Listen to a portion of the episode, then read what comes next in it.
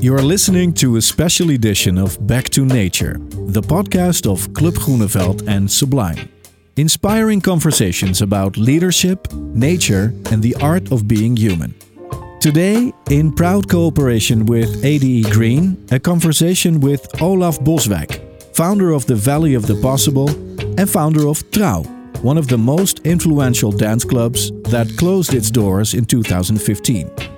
Listen to a conversation about how landscapes create and shape culture and identity, how not to go back to nature but to go forward to it, how intuition almost always shows you the right way, and how aligning with your dreams inevitably leads to success.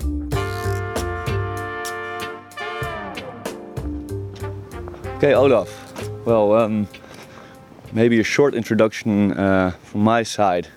This is normally is the Dutch podcast called Back to Nature, and uh, I always ask my guests to pick a spot somewhere in the Netherlands in nature.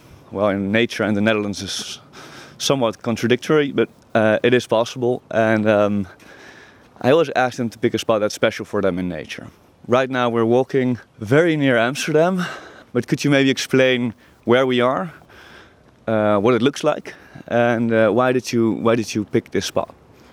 Um, we are in Durgerdam, which is officially part of Amsterdam, but it's a very small, old village. Um, I always feel it looks a little Scandinavian because all the houses are wood and have different colors, and um, you know, there's a beautiful old church and a little harbor, and it's next to the IJsselmeer, which is the main uh, body of water next to Amsterdam.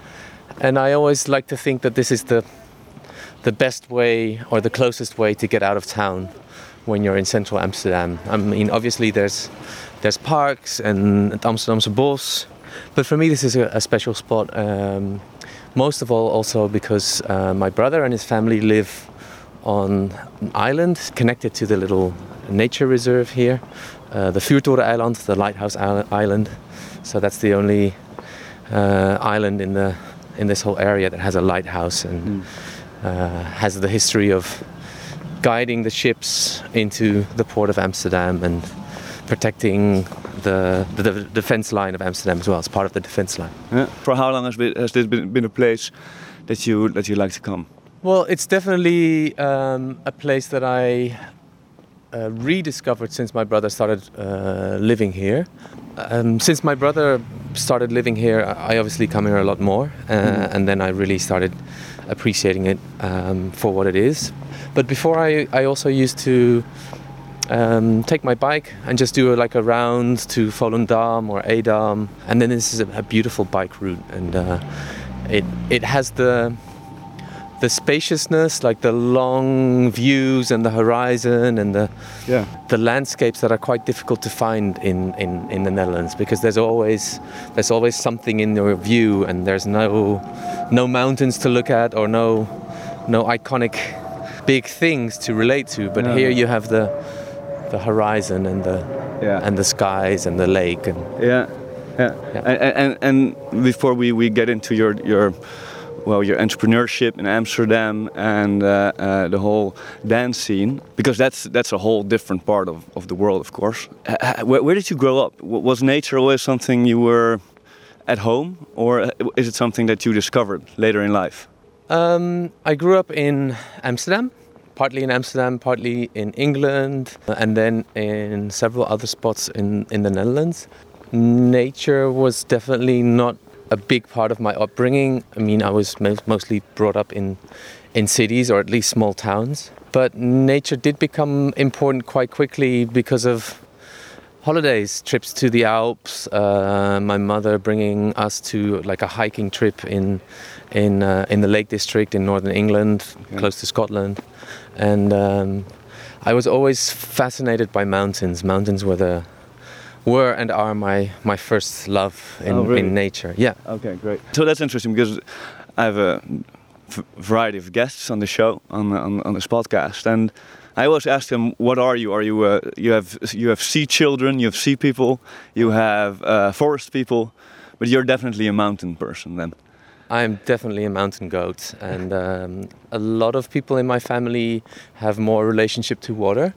Um, so my brother's a sailor. Um, Okay. My other brothers sail, and I, I mean I love water. I also I Mm. love the ocean. I like to surf. But if I would have to choose, I would always choose for the mountains. Yeah. And ca- can you explain why? Oh, there's whole books about this, and it's very. I mean, one of the most important things I think that a mountain, or the feeling that you get from a mountain, is uh, a feeling of humbleness. The feeling that there is something bigger than you that has a different quality, maybe a different power, maybe even a different spirit. Hmm. And I think that's something I've always missed in Holland. That a, like a force of nature or a quality of nature that is so big, hmm. it kind of forces you to think about it or to go within and feel, hey, um, what does this mean to me? Right. Right. Your your relationship to nature get. I mean, your place in the world is shown to be maybe smaller than where in the Netherlands all nature is is made by us.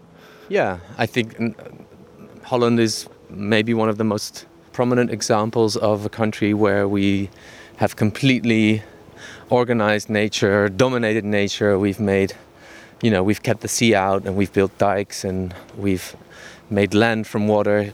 I mean, also here where, where we're walking, Yeah. you know, the polder uh, landscapes are Yeah. are famous for, for the Dutch and how they how they made land from water. And uh, yeah, I think that's that's quite typical of our country. Yeah. Yeah. In, in a sense, that's it's almost the exact opposite of, of your experience uh, that you, you told me about. You know, being in the mountains. That nature is so much bigger than us, and we are only like this very small part of it. And but we are a part of it. But interestingly, in the Netherlands, we've. I mean, maybe it's even symptomatic of something that's larger and bigger than in the Netherlands. But we feel we are the masters of nature, in a Yeah. sense. Well, I think there's a lot of um, people that have uh, talked and written also about how landscape creates culture and how it shapes identity. So, for instance, in the Netherlands, everything is very close to each other, everything is flat. So, I think that is represented in our culture. Where I'm based now in Chile, where the distances are huge, there's a lot of mountains, or there's huge forests, or there's the biggest desert in the world, or one of the biggest oceans in the world, or huge fjords. That's the definition of isolation, um, and that has shaped the Chilean people in a very different way than, for instance, um, how the Dutch landscape has Yeah. uh, shaped the, the Dutch culture. And I think we live in a culture where, you know, everything is fast, everything is efficient, and it's organized, and you know, it's easy to get to places. And I think that, in a way, that is connected to to the landscape that we we live in here. So you were part of the the fast life, the, the, the very efficient, the, the go go go, the the part of maybe the part of our culture that's when you first look at it is almost opposite to what you were just explaining on Chile. Could you maybe maybe I'm wrong because I'm, I'm I don't know what your experience is and, and how, how how you exactly built up the the different uh, venues, um, but maybe you could I don't know, just explain a little bit how that came to, to pass and and and what was your i mean there's obviously part of your soul or part of your identity connected to to to that part of life Yeah. could you tell us a little bit about that Well, I, I feel very connected to, to music. As a teenager, I was completely into music, and I I didn't know anything about what I wanted to be or what I wanted to do in life, and I I couldn't choose a study, but I knew I wanted to be in music. But I wasn't a good musician, and there weren't like there are now studies that teach you how to be like uh, an event manager or a artist manager or whatever like the other the, the other types of things that you can do in in music but there was a school called the School for Audio Engineering, which is an in- international school where you get taught about recording music. mm-hmm. And um, I thought that would be really interesting, and that would be maybe my way to to get into the music industry. Yeah. Um, so I did that, and from there I was able to become a uh, like a technician, um, an apprentice at a radio station, which was at the time the only radio station that was doing electronic uh, dance music called Okay. New, New Dance Radio. Yeah. What, what year is it right now? 98, 99. Okay. Yeah. And this radio station had a lot of people that were, you know, big name DJs at the time, all different musical styles and genres. And it was also a station that was almost constantly on the verge of going bankrupt. You know, I was basically the only employee there, and it was a very weird and lonely place to work because during the day, you know, all the music was played from the computer, but then at night, all the DJs came and did their programs and shows. Yeah. Uh, but I learned a lot, and um, from there I started to, yeah, become more and more active in in nightlife and in music. And um, What, what, what was the, what was the most triggering for you? So so it has always been it had always been the music itself. So so you just you started engi- audio engineering because that was a way in. Uh, but it was always the always the music itself. How did that come came to pass? Was it always you were just hooked instantly when you were younger or something? Or yeah, I mean, I think music can can give you all sorts of beautiful feelings and emotions, and um, and ultimately is a way to is a way to connect with those emotions. And I think looking back, that's that's what what triggered me the most. How how music is this kind of way to to connect with yourself and to connect with others. But that always been a. But maybe I mean, for a lot of people, music has been so, is something so universal. People have a direct connection to. it. I think it speaks to us in a in a way that words or maybe, you know, a lot of things cannot. But maybe just can you do you, do you have one moment maybe where you where you fell in love and where you knew okay this because it, I mean a lot of people have a connection to music, but then again not a lot of people then think okay whatever it takes I'm going into the music industry. Yeah, I don't know. It's sometimes I do things in my life that I'm not uh, rationally aware of, but I deeply feel from my intuition that it's something that I want to do or I need to do. And I mean, yeah, looking back, and I still think that if you're 18 or 19, how do you know what you want for the rest of your life, and how can you make that choice? In that way, I think the way we think about education and careers is quite, quite crazy, and that we Hmm. force young people to make those decisions so so early and that often determine a big part of the rest of the li- of the, the rest of their lives. Yeah, but interestingly enough, I mean, so your way has been almost counter uh, the the institutions. So I, I think you're uh, completely correct in saying so. It's weird that you ask an 18 year old to base their decisions rationally on what they're good at or what they're no, not not even at what they're good at, but what in what they will be most successful in, successful in life based on uh, how society right now is organized. Right. Um, and in a, but in a sense, you did the opposite. So you, you you didn't follow rationale. You just you just followed your intuition. I Yeah. guess. Yeah, I mean, I was at school and all my friends went to study law or medicine or you know all that kind of stuff, and Yeah. and, and I thought about studying philosophy or maybe even anthropology. Hmm. but I just knew that I would get really I don't know I, I wouldn't be able to focus for three or four years or five years and Yeah. um, and I wanted to work so um, Okay. and actually in between I also Yeah. I, I wanted to work and I I went to Austria to the mountains Okay. uh, to do a, a ski instructor course Yeah. and uh, and uh, for one season I I worked as a ski instructor and I and I guess maybe that was also a formative experience because you know you're outside all day you're working with people you're in an amazing environment um, you're active so you know you're you're physically exhausted at the end of the day but you're also really fulfilled Right. Right. right. um, I only did it for one season but I, it's one of the few things that I look back on and I think maybe I should have done it another another season or Yeah. yeah Okay. So, so maybe in the future in Chile, who knows? Yeah, absolutely. There's great skiing Yeah. in Chile. Yeah. All right. So can you take us back? So so uh, you were you were the the one man band at, at the radio station, and you got well into the to the music into the DJs. So What what happened?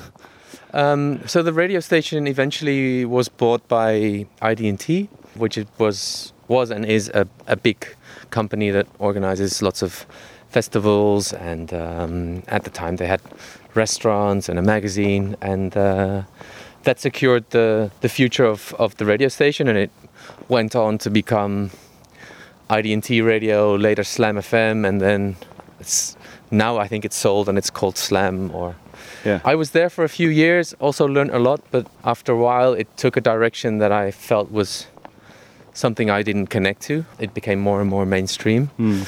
And I, what were you doing? What, you were still the, the audio technician, or uh, I was what you what they called station manager, which was anything from scheduling all the programs, doing parts of the website and communication. Some of it was technical stuff, Okay. live broadcasts from from clubs and festivals, making recordings.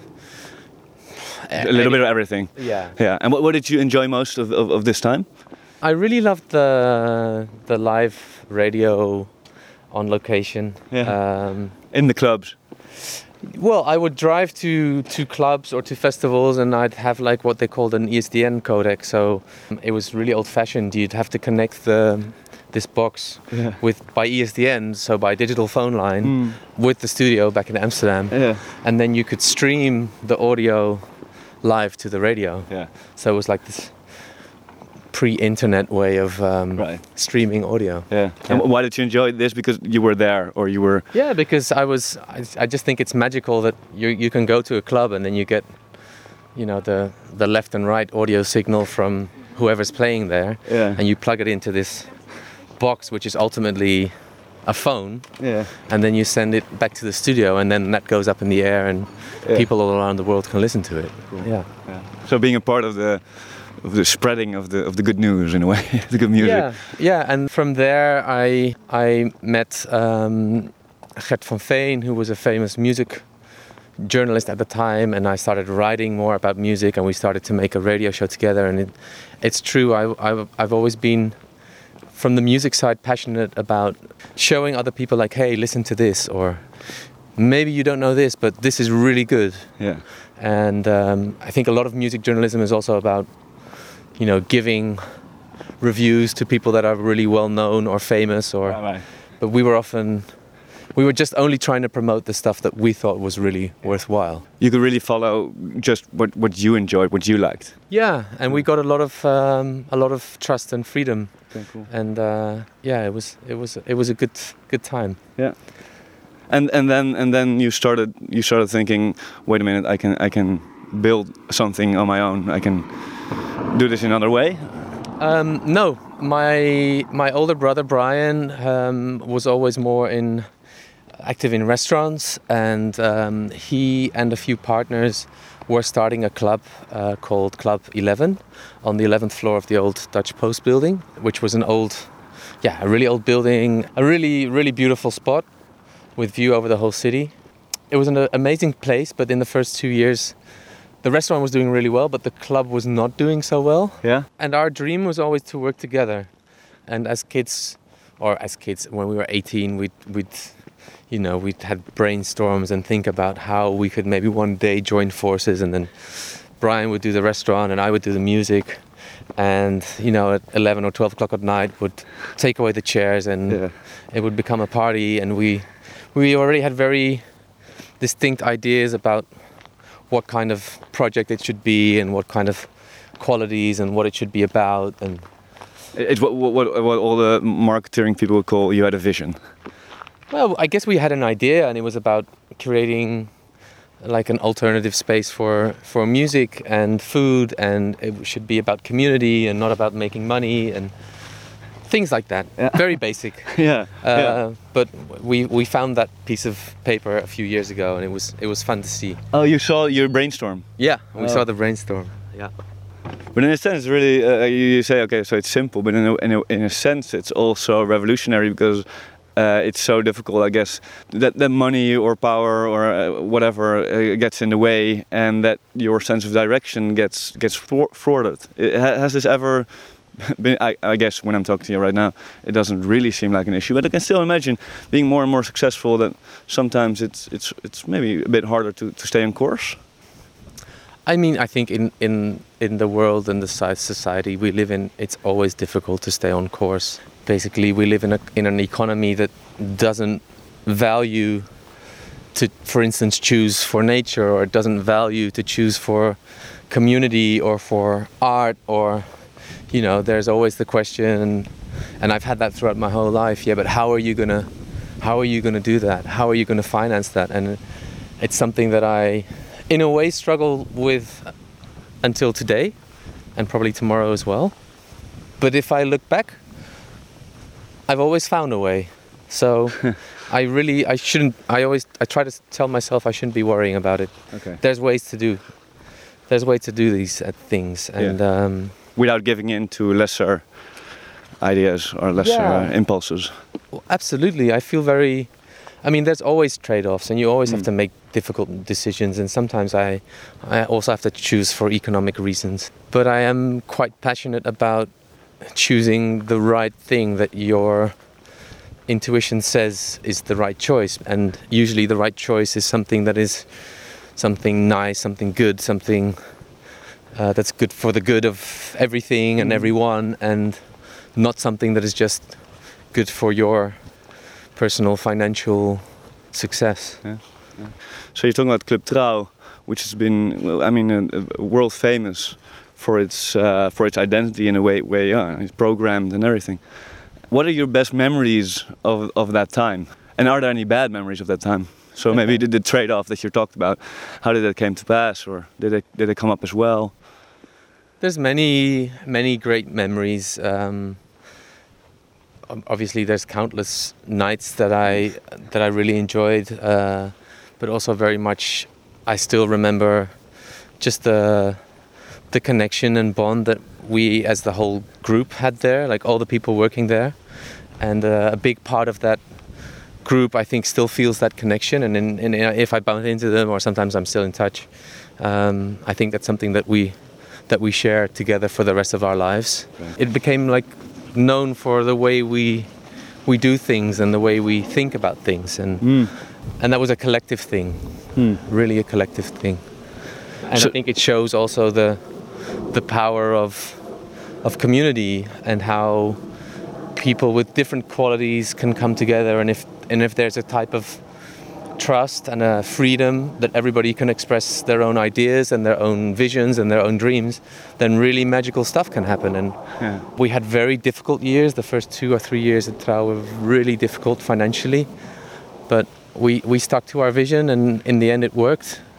And especially in the last year we were so confident that we were able to give that trust and, and that freedom to to all the people that are working for us. And uh, and I think that made that last year even even more magical Yeah. because we did a lot of crazy things that other people wouldn't do or they wouldn't do for, for financial reasons. Yeah, yeah. Even maybe I guess even more so than music, although I guess music is also in a sense about connecting people, but the sense of camaraderie and the sense of working together in a way that everyone has his own job to do, and together you're more than the sum of the parts. Yeah. Something like that seems to be most resonant. Yeah, yeah, absolutely. I think uh, together you can you can achieve a lot more than than um, just on your own. And I, and I think if you align yourself with those ideas and dreams, then it's almost inevitable that you will become successful. And what that definition of success is different for everybody. Yeah. But in the end, I mean, we didn't make huge amounts of money, but it was modestly financially successful. But as a result of trying to do the right things and not as a result of Right. trying to be financially successful. And I think that's one of the biggest mistakes or confusions of our time that we try to be economically successful when if you just really do the right thing, I think success is a result Right. but it's not a goal. Right. It's not. It's not something that you should strive for explicitly. So in, in a way, you're saying the real search is how to go within and how to find your own intuition, how to find your own sense of of being, of your own sense of oh, this is for me what I would love to do, and then success follows. And in a way, so it's internalized success instead of okay, what do what do other people think how success looks like, and trying to strive for that. Yeah, of course, because if it's connected to who you ultimately are from inside, then it's a lot more powerful. Yeah. If I, if my passion is really to make the best pizza in the world, and I've studied and I, I know how to collect the right ingredients and I know how to do this and I, I've mastered the art of making dough and the oven and it's something that I'm really passionate about. People will will feel it and they will taste it and from there success will come. Yeah. But if you're trying to make the best pizzeria with the best economic figures and attracting the most people, Yeah. well maybe you're not focusing on the right thing. And how did it feel closing Trouw? How did it, how did it feel ending it, or how did it feel like? Were you were you sad? Was something, or could you already see that there was there was okay? There was time for something new, or Uh, all of it. Um, very sad, um, very happy, very fulfilled, in a way proud, confused.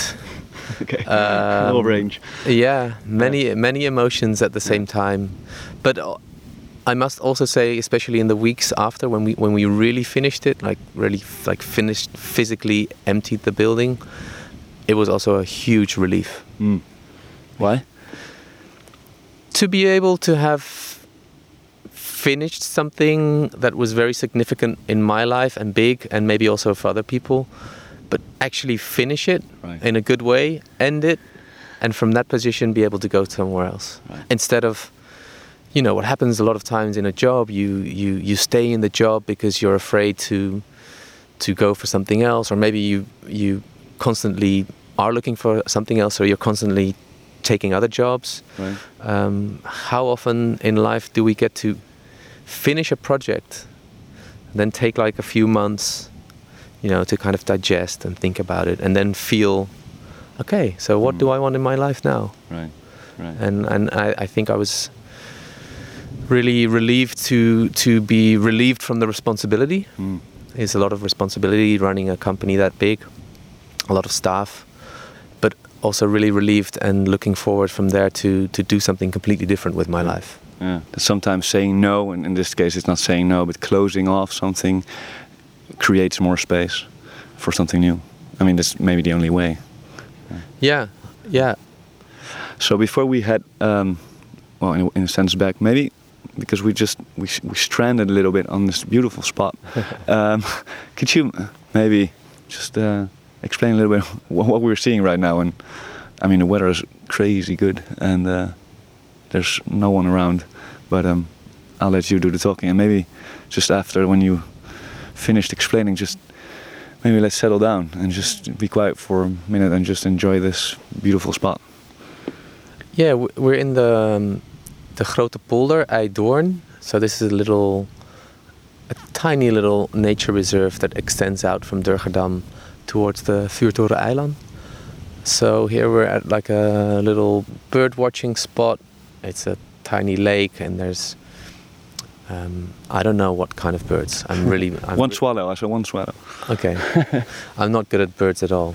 Surrounded by reeds, and we can see the lighthouse uh, with the flag of Oh, yeah. the Amsterdam Emblem, weapon yeah. emblem in front of us, and behind us is Durgerdam, and even further Oh, wow. behind us is the skyline of Amsterdam, Amstel, and I know. IJburg. Yeah.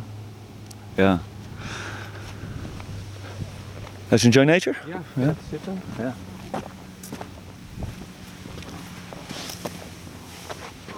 We hebben in ieder geval oh, dat- kleine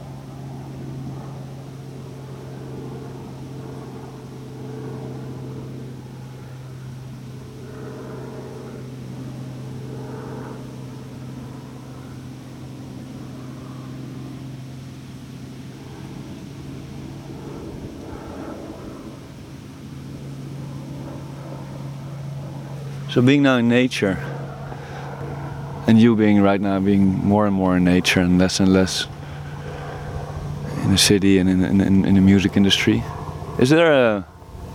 Do you think there's a connection between nature and music?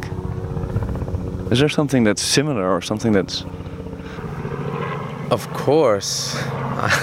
I don't know if I can find the words to express it, but of course there's a connection between music and nature. Um, and actually, I mean, we tend to say that we're in nature now, but yeah. we, of course, we are always in nature. Mm. But there's many, there's many connections between music and nature. I guess for me personally, it's the way they both make me feel that, that they they bring me that connection that I that I'm always kind of looking for. I like a deeper sense of being able to relax and be quiet or be tranquil or yeah to return to return to yourself i mean there's many types of music and many types of nature that can all evoke very different emotions and feelings but um, for me that's probably the, the most important one to to be quiet and to listen and observe and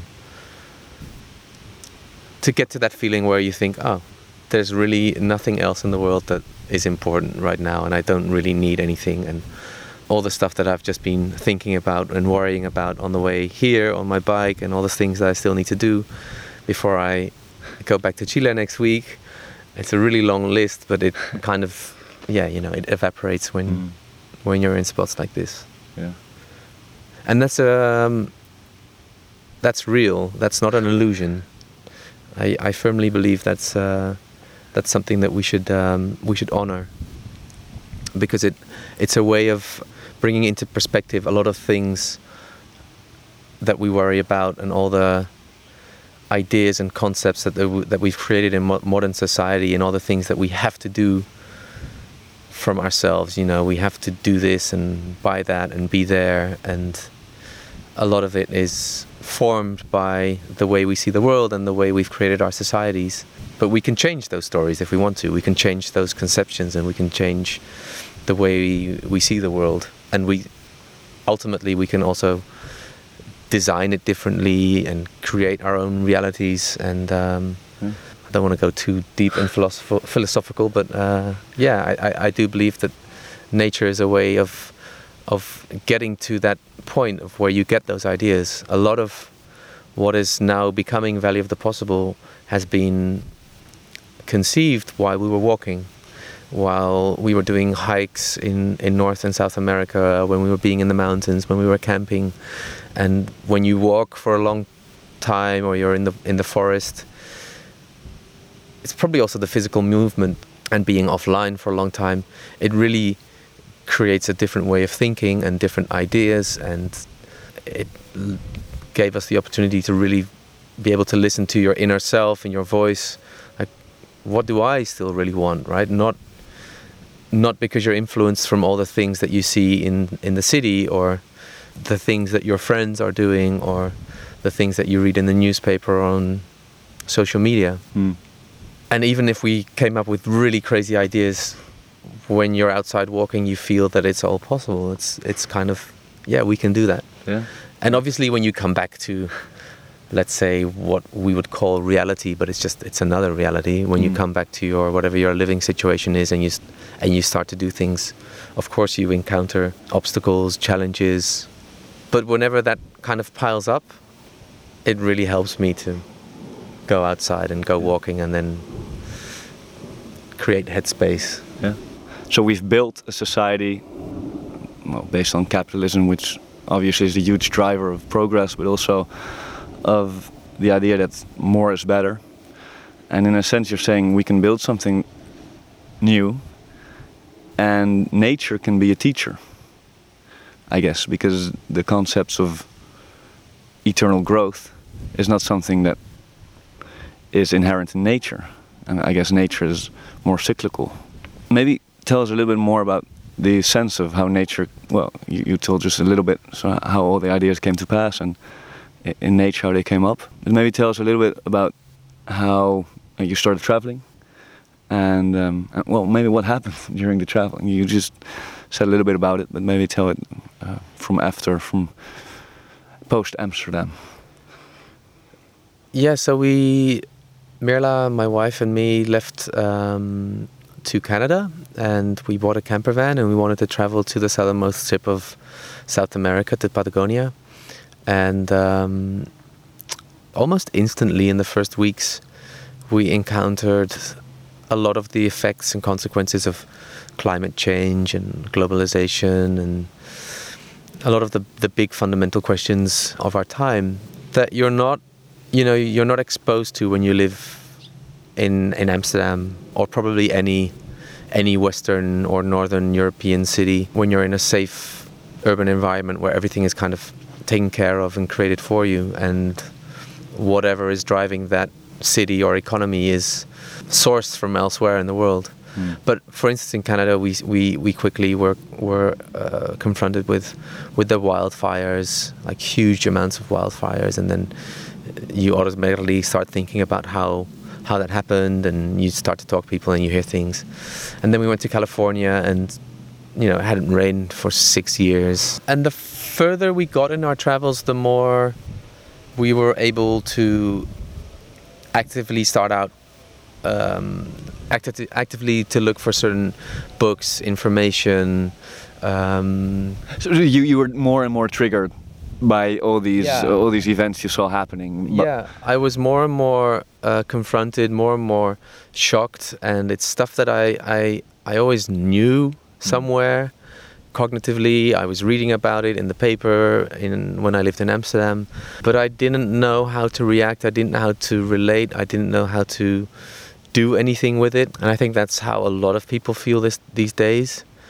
But having the opportunity to, you know, be traveling in a van, there was time, there was space. So we started reading a lot and we started reading about climate change and what people think are the are the, the drivers or the the sources of it. And we started basically to, to to research and to try and inform ourselves and the further we got, we were obviously confronted with more and more disastrous consequences, mm. and um, but also constantly falling in love with many different landscapes and, right. and cultures and and and places and so at the same time when you were falling out of love maybe with the society that created climate change you were falling more in love with with nature yeah and i realized how how great I feel when I'm outside in the mountains or in the forest, and um, and I think from there were two two things. There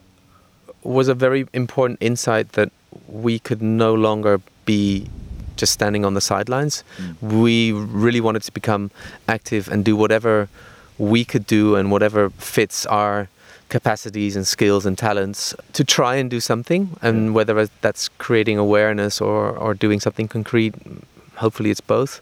And the other thing was maybe a bit more romantic that we just would really like to live in a more natural, quiet surrounding. And um, Mirla and me had always dreamt of starting an artist residency, you know, doing something that facilitates creativity and arts and culture and brings together lots of different disciplines. So also science and philosophy and indigenous ways of thinking. Mm.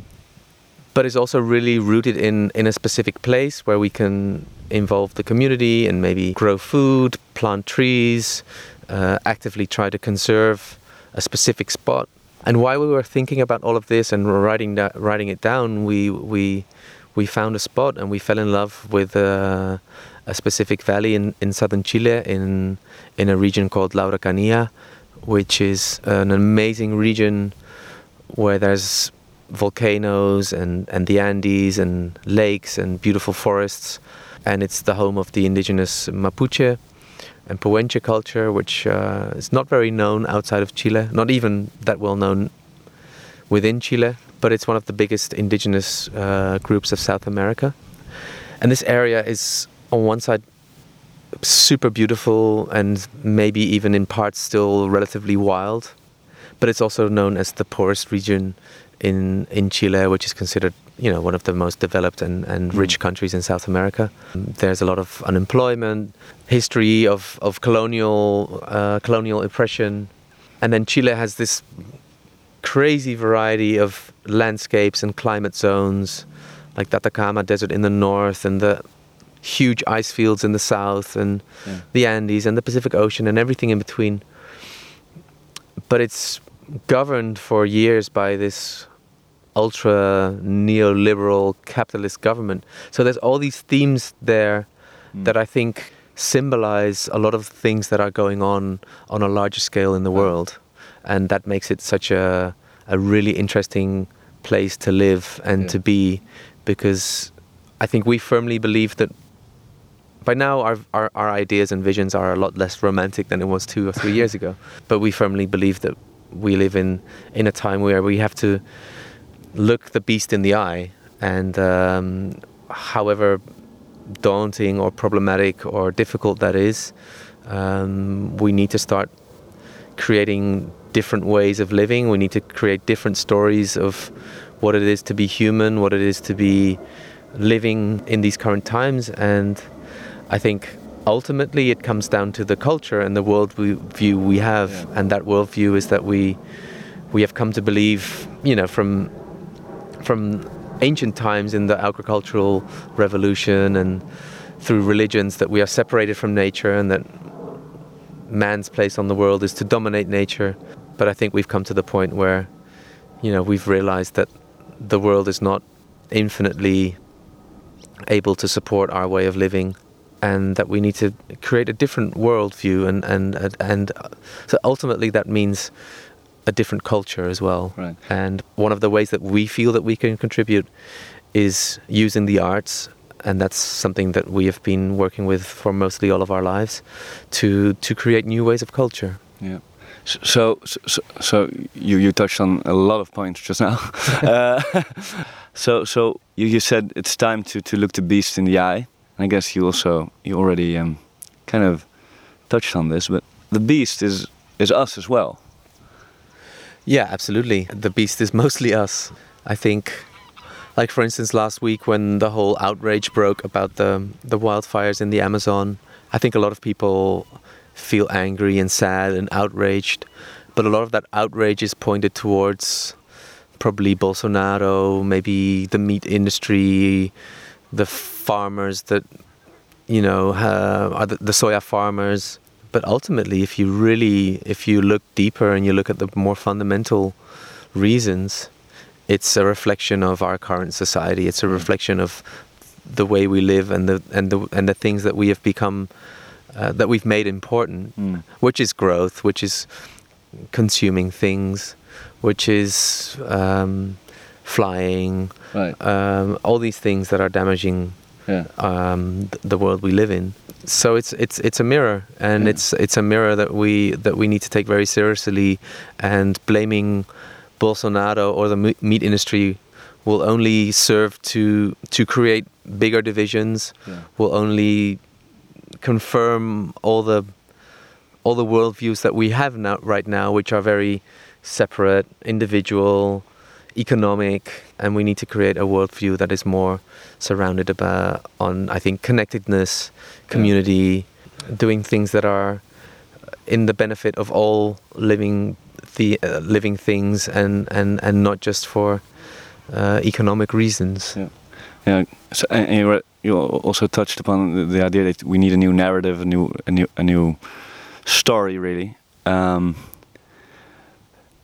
I guess what's interesting, very interesting to me, is that there's also, I guess, it's very important to have compassion for people who do not have the awareness that nature is a part of themselves or that this new paradigm, this different paradigm, because in a, in a way, in a sense, culture is, is, is something like brainwashing, or it's it's programming, it's software programming. So you, when you, you grow up, you're, you're a baby, you're a child, you grow up. There's this story being told, and it's inherently it's everywhere.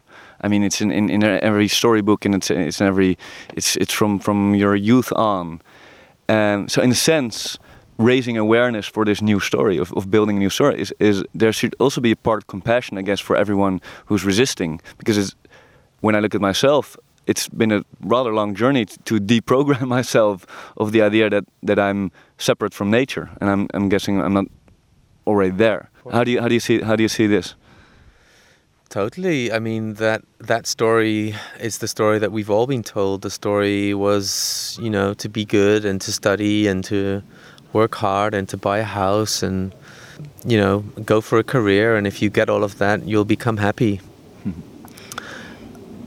Which is obviously not true, um, at least very much not in my uh, experience. And from the outside, I've probably done a lot of those things, maybe become successful for the outside world, but I very much felt that something was missing and I was not happy and there's always yeah, something that is disconnected and, and I think we're all programmed in that way. We've always all been fed the same story and uh, it's true we need to be compassionate with people that do not know how to react to these times or are maybe not aware of these situations and, and the fundamental questions that are are facing us and, and humanity at, at this point. But I think everybody to some extent is aware of them and I think if you can if you can be vulnerable from your own initiative and for instance um, start a conversation based on your own observations and maybe your own worries about, you know, oh, i am worried about how little birds I'm seeing this year here in the IJdoorn, or I'm worried about last summer we were staying for, for a month here in the harbor, how every day was 30 degrees and how the water level in the harbor was really low and very stagnant and it was getting green and smelly and, you know, we were thinking if we were able to swim or not, and everybody here in Durgerdam was thinking in the same way. Mm. That's a very normal conversation to have. Like, hey, can we can we swim here? And you don't have to mm. start preaching to people. You know, this is climate change, and you have to stop flying, and you have to stop eating meat, and we all have to change our behavior, and we need to do with less. And that's a very negative mm. story. I think hmm. if we can create examples that maybe embrace a way of living that is actually better or can be a, a, a positive uh, example, yeah. then maybe people will be more inclined and more inspired to yeah. to to seek out similar ways of living. And it's not about it's not ha- about having to do with less. It's actually about being with more. But it's changing the definition of what is more, and it's changing the definition of what is less. I guess that's what you're you're building a new narrative.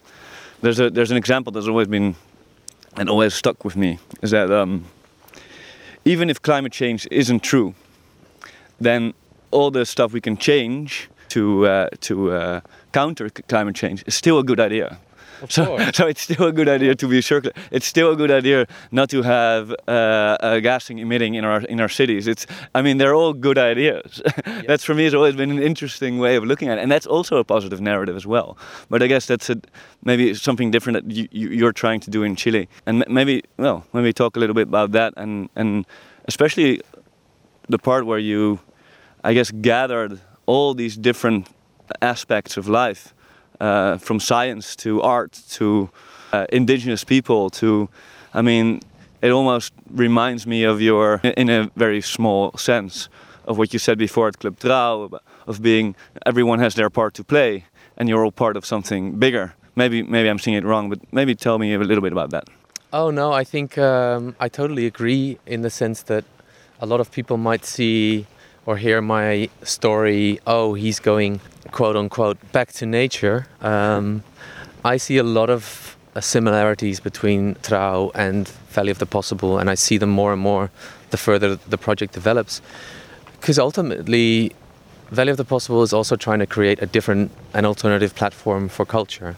We're trying to create ways of of being together and thinking of new ideas and facilitating artistic expression bringing people together, doing inspiring things. Many of those were very similar to the goals that we had at Trouw, but it's reacting to a different time. Mm. And um,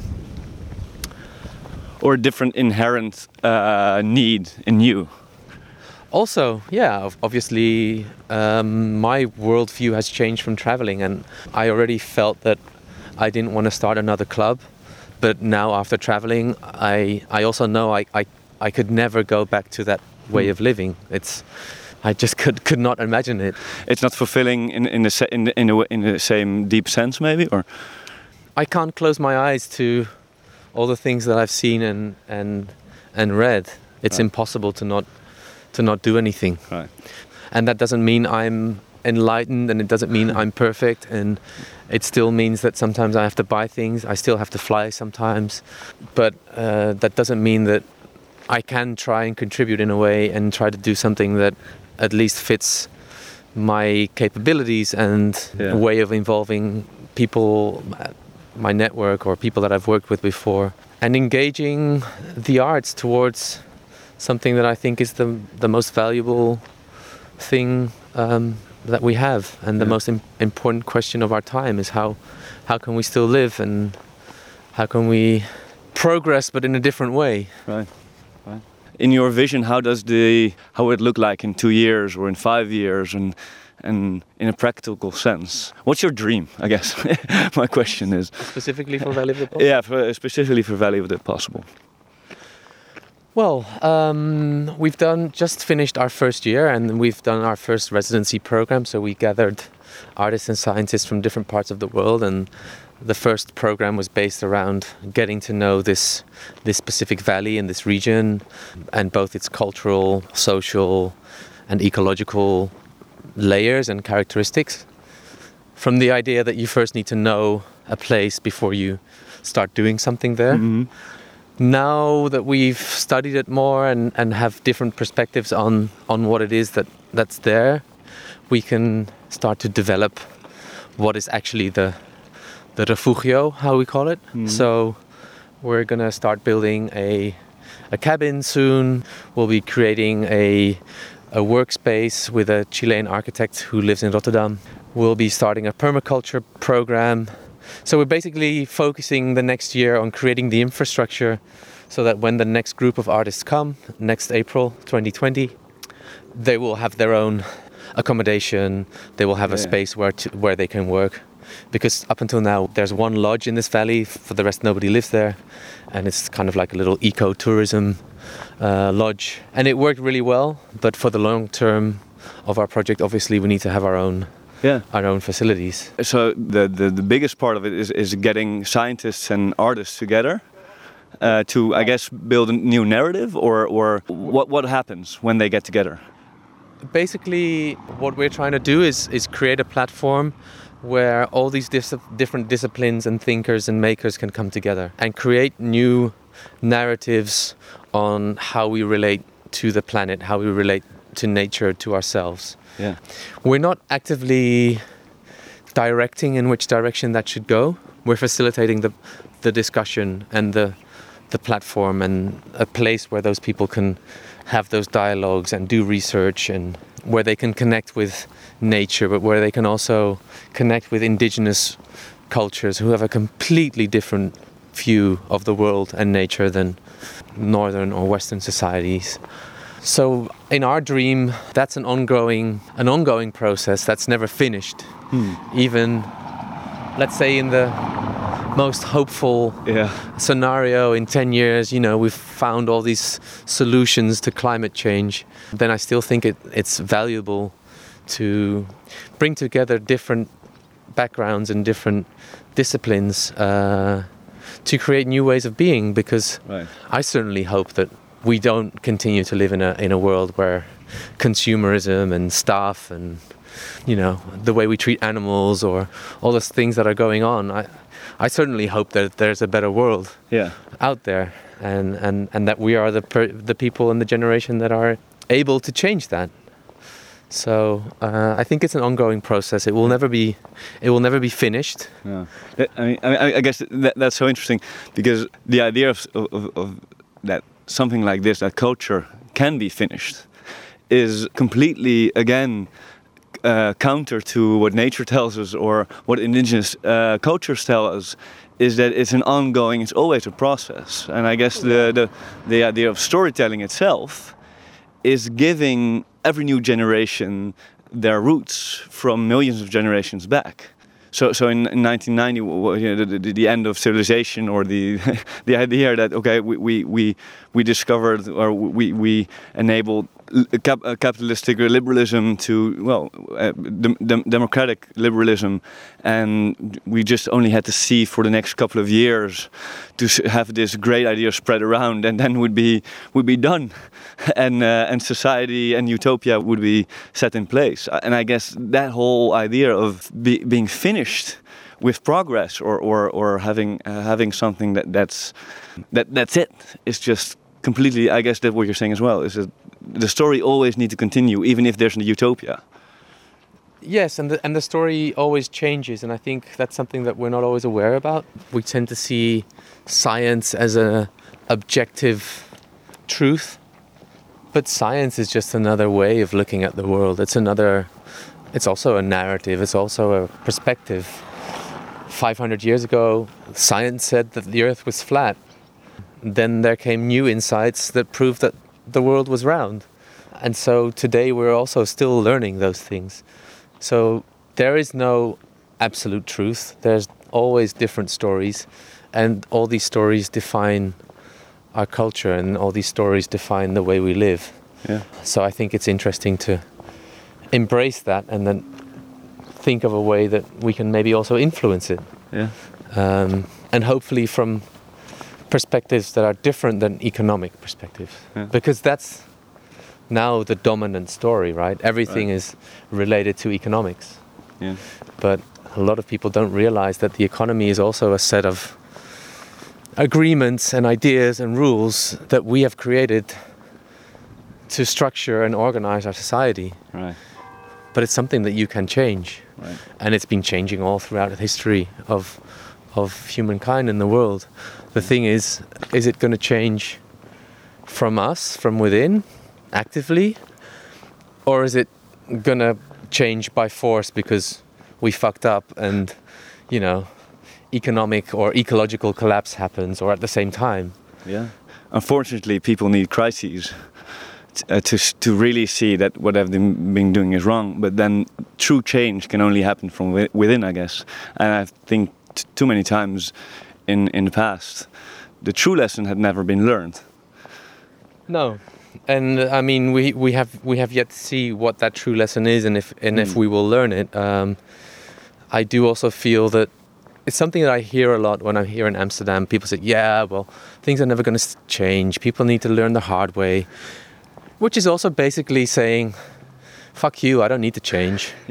it's just going to happen, and when it happens, we're all fucked anyway. Mm. It's a very nihilistic, right. uh, negative way. Um, and like you said earlier, even if it's even if it's not true, climate change, or even if we solve it, there's still so many reasons to do things in a different way because they're just going to create a more beautiful world. Yeah. And um, in that sense, I am becoming more hopeful about the, the signs of change, for instance, because of groups like Extinction Rebellion, who, who give a very activist voice to a large uh, group of the population that up until now maybe doesn't know how to express that voice. Mm. Okay, maybe maybe you know we've been buying organic stuff or you know we switched to green energy maybe we even have solar panels maybe we even have an electric car but voicing the need for a different way politically, actively, has been really difficult. Yeah. And I think what Extinction Rebellion does really well, that, that they've studied all these big changes in society in the last 100, 150 years. You know, the civil rights movement in, in America with Martin Luther King and what happened in India with Gandhi and all these different things. And they've come to to analyze what things need to happen for big societies okay. to change. And it's usually connected to large civil disobedience. Yeah. It has to be peaceful. Yeah. It has to be fun. So there needs to be music, Yeah. art, food, noise. Yeah. Uh, it has to be disciplined. So you cannot be, you know, stereotyped as crazy, Right. hippie, Right. lefty, greeny, Yeah. aggressive Yeah. activist. Yeah. No, it has to be super well executed, strategically thought out, but at the same time, very truthful. I mean, they're saying it like it is. You Yeah. know, it's Yeah. it really is about time that we change things, and Yeah. and I think they're they're gathering really a lot of momentum and a lot of people all around the world in different cities. Um, and of course, someone like Greta Thunberg, Yeah. who, for me, proves, you know, we we, we live in a society where where we're constantly, yeah, but what it, what does it matter if I Hmm. change? Because look Mm. at the collective, Yeah. which is strange, right? Because if I see people around me in Amsterdam and they all have the same organic, hip, vegan sneakers, Yeah. I want to have them as well because that's how it works. Yeah. And that's also how it works with other society and cultural changes. You, if you see other people doing it, you're encouraged to do the same. Yeah. And Greta, who was 14 or 15, just decided to not go to school. In our society, that's normal, normally considered a useless action. That doesn't mean anything. You're just one person. Yeah. How can that mean anything? Right. Fast forward a year, Yeah.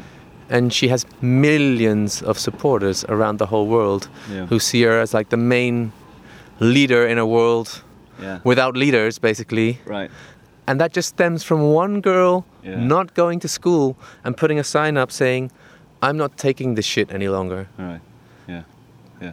And I, I think that's that's an amazing uh, and a very hopeful and a very powerful Yeah. way of, of change. And uh, So for many people, it feels as an individual there's no sense in in, in helping or, or or or changing. And I guess what nature, I mean, the new paradigm, what you're talking about, the new narrative, can, I mean, if if if you can truly feel part of something, so if you really tr- truly feel part of nature, if you truly feel part of society, then obviously what you do matters. Of course, and and the individual, the the reason why we don't feel that individual change does anything because it's connected to the economic worldview that we have, and which has been told to us time and time and again. You are a unique individual. You can be anybody who you are as long as you do this, buy this product, study that, and you will be able to be successful but don't think that you're connected to others. Right. Well, it's it's quite double. In a way, it's also, you know, there's a lot of marketing that is supposed to connect us to communities, but um, I think you know what I mean. Yeah, yeah. I, I, I, I guess also one- thing is when you when you hear indigenous people talk. I mean, a couple of times we already touched on this. th- their sense of uh, also being part of nature, but also a sense of community is completely different because uh, there truly is a community, of course, because they have maybe 100, maybe 200 people that they all know and they all take care of each other. I mean, And nature is the community. The forest, the trees are the community. They feel sad or they mourn when the forest that they partly live from or live with is destroyed, and mm. rightly so. Yeah. And that's actually also something that's happening in our current society. A lot of people are feeling very emotional and very sad about you know the the glaciers melting and realizing that they might not turn, come back. But that sadness that grief there's no way to deal with that in our society. Right. we know how to deal with a family or a friend who dies. But how do we deal with a glacier that will never come back? How do we deal with a, a bird species that is extinct forever? Yeah. and I think the the indigenous worldviews have uh, have a lot to, to learn from in that sense. They don't have all the answers. Um, we No, should we yeah. shouldn't we shouldn't romanticize them thinking that they have all the answers to a lot of the problems that Western society created. But we can learn from each other. And I guess yeah, you're you're right. That um, I mean, it's what you can truly learn. I gue- and and that's what what we touched on earlier is the most difficult part of what you can learn from them is uh, their way of interacting to the world and to each other, and this is something that's been that's culture. So that's something that's been ingrained in them from thousands of years back, and something that we've lost uh, touch with. So, so, so in a sense, that's uh, yeah, that's that's quite quite a cha challenge, I guess. Um, but you're you're you're you're you're taking it on, I guess, the challenge, and and saying, let's build this new narrative that people experience and understand uh, that this new story is a is actually a, is a pretty great story, and it's uh, it's a good story to be a part of, and it's a fulfilling uh, story as well, I guess. And as we're nearing uh, our uh, end to our uh, to our walk and also to our conversation, maybe, and this is going to be a tricky question, I guess, but um, well, you, you told about um, the fact that it's a happy story in a sense, and it's a fulfilling story. Um, could you tell this story in uh, so not in just one hour, but in two sentences, or in in can you encapsulate the idea of the feeling of this new story? I guess that you're building, or maybe hoping for uh, that that will be part of us all. Wow, that's a big question, but I guess we're trying to create a narrative and a world that respects the life of everyone and everything on this world. And a way of living that can secure the prosperity of all of that and not just the benefit of of the individual or the the benefit of a government or a company but uh, the benefit of all. And um, in a way there is already an example. I mean if you if you define something as nature or a system or gaia or whatever that example is already there. Mm. um, and we used to know how to do it. We just need to find a way of doing it again. Um, to remember. Yeah. And I, I like to think of it as not back to nature but forward to nature. Mm. it's not it's not a romantic step or it's not a nostalgic step back. Right. It's actually a, a progressive step forward but it's it's a different progression. So forward to nature i guess we'll change the, the name of the podcast. Um, sorry i didn't mean to. No but I, I know exactly what you mean and um, well, thank you so much for this conversation. Thank you so much for this walk. Thank you so much for showing me Durgerdam again, reminding me that I should come here more often. thank you so much. Yeah, thank you. You have been listening to a special edition of Back to Nature, the podcast of Club Groeneveld and Sublime, in proud cooperation with ADE Green. With special thanks to Olaf Boswijk, ADE Green, Zoe van Lieren, Rick Waldman, Marcel Chepkema, and Louis Belle Want to know more? Visit our website at www.clubgroeneveld.nl.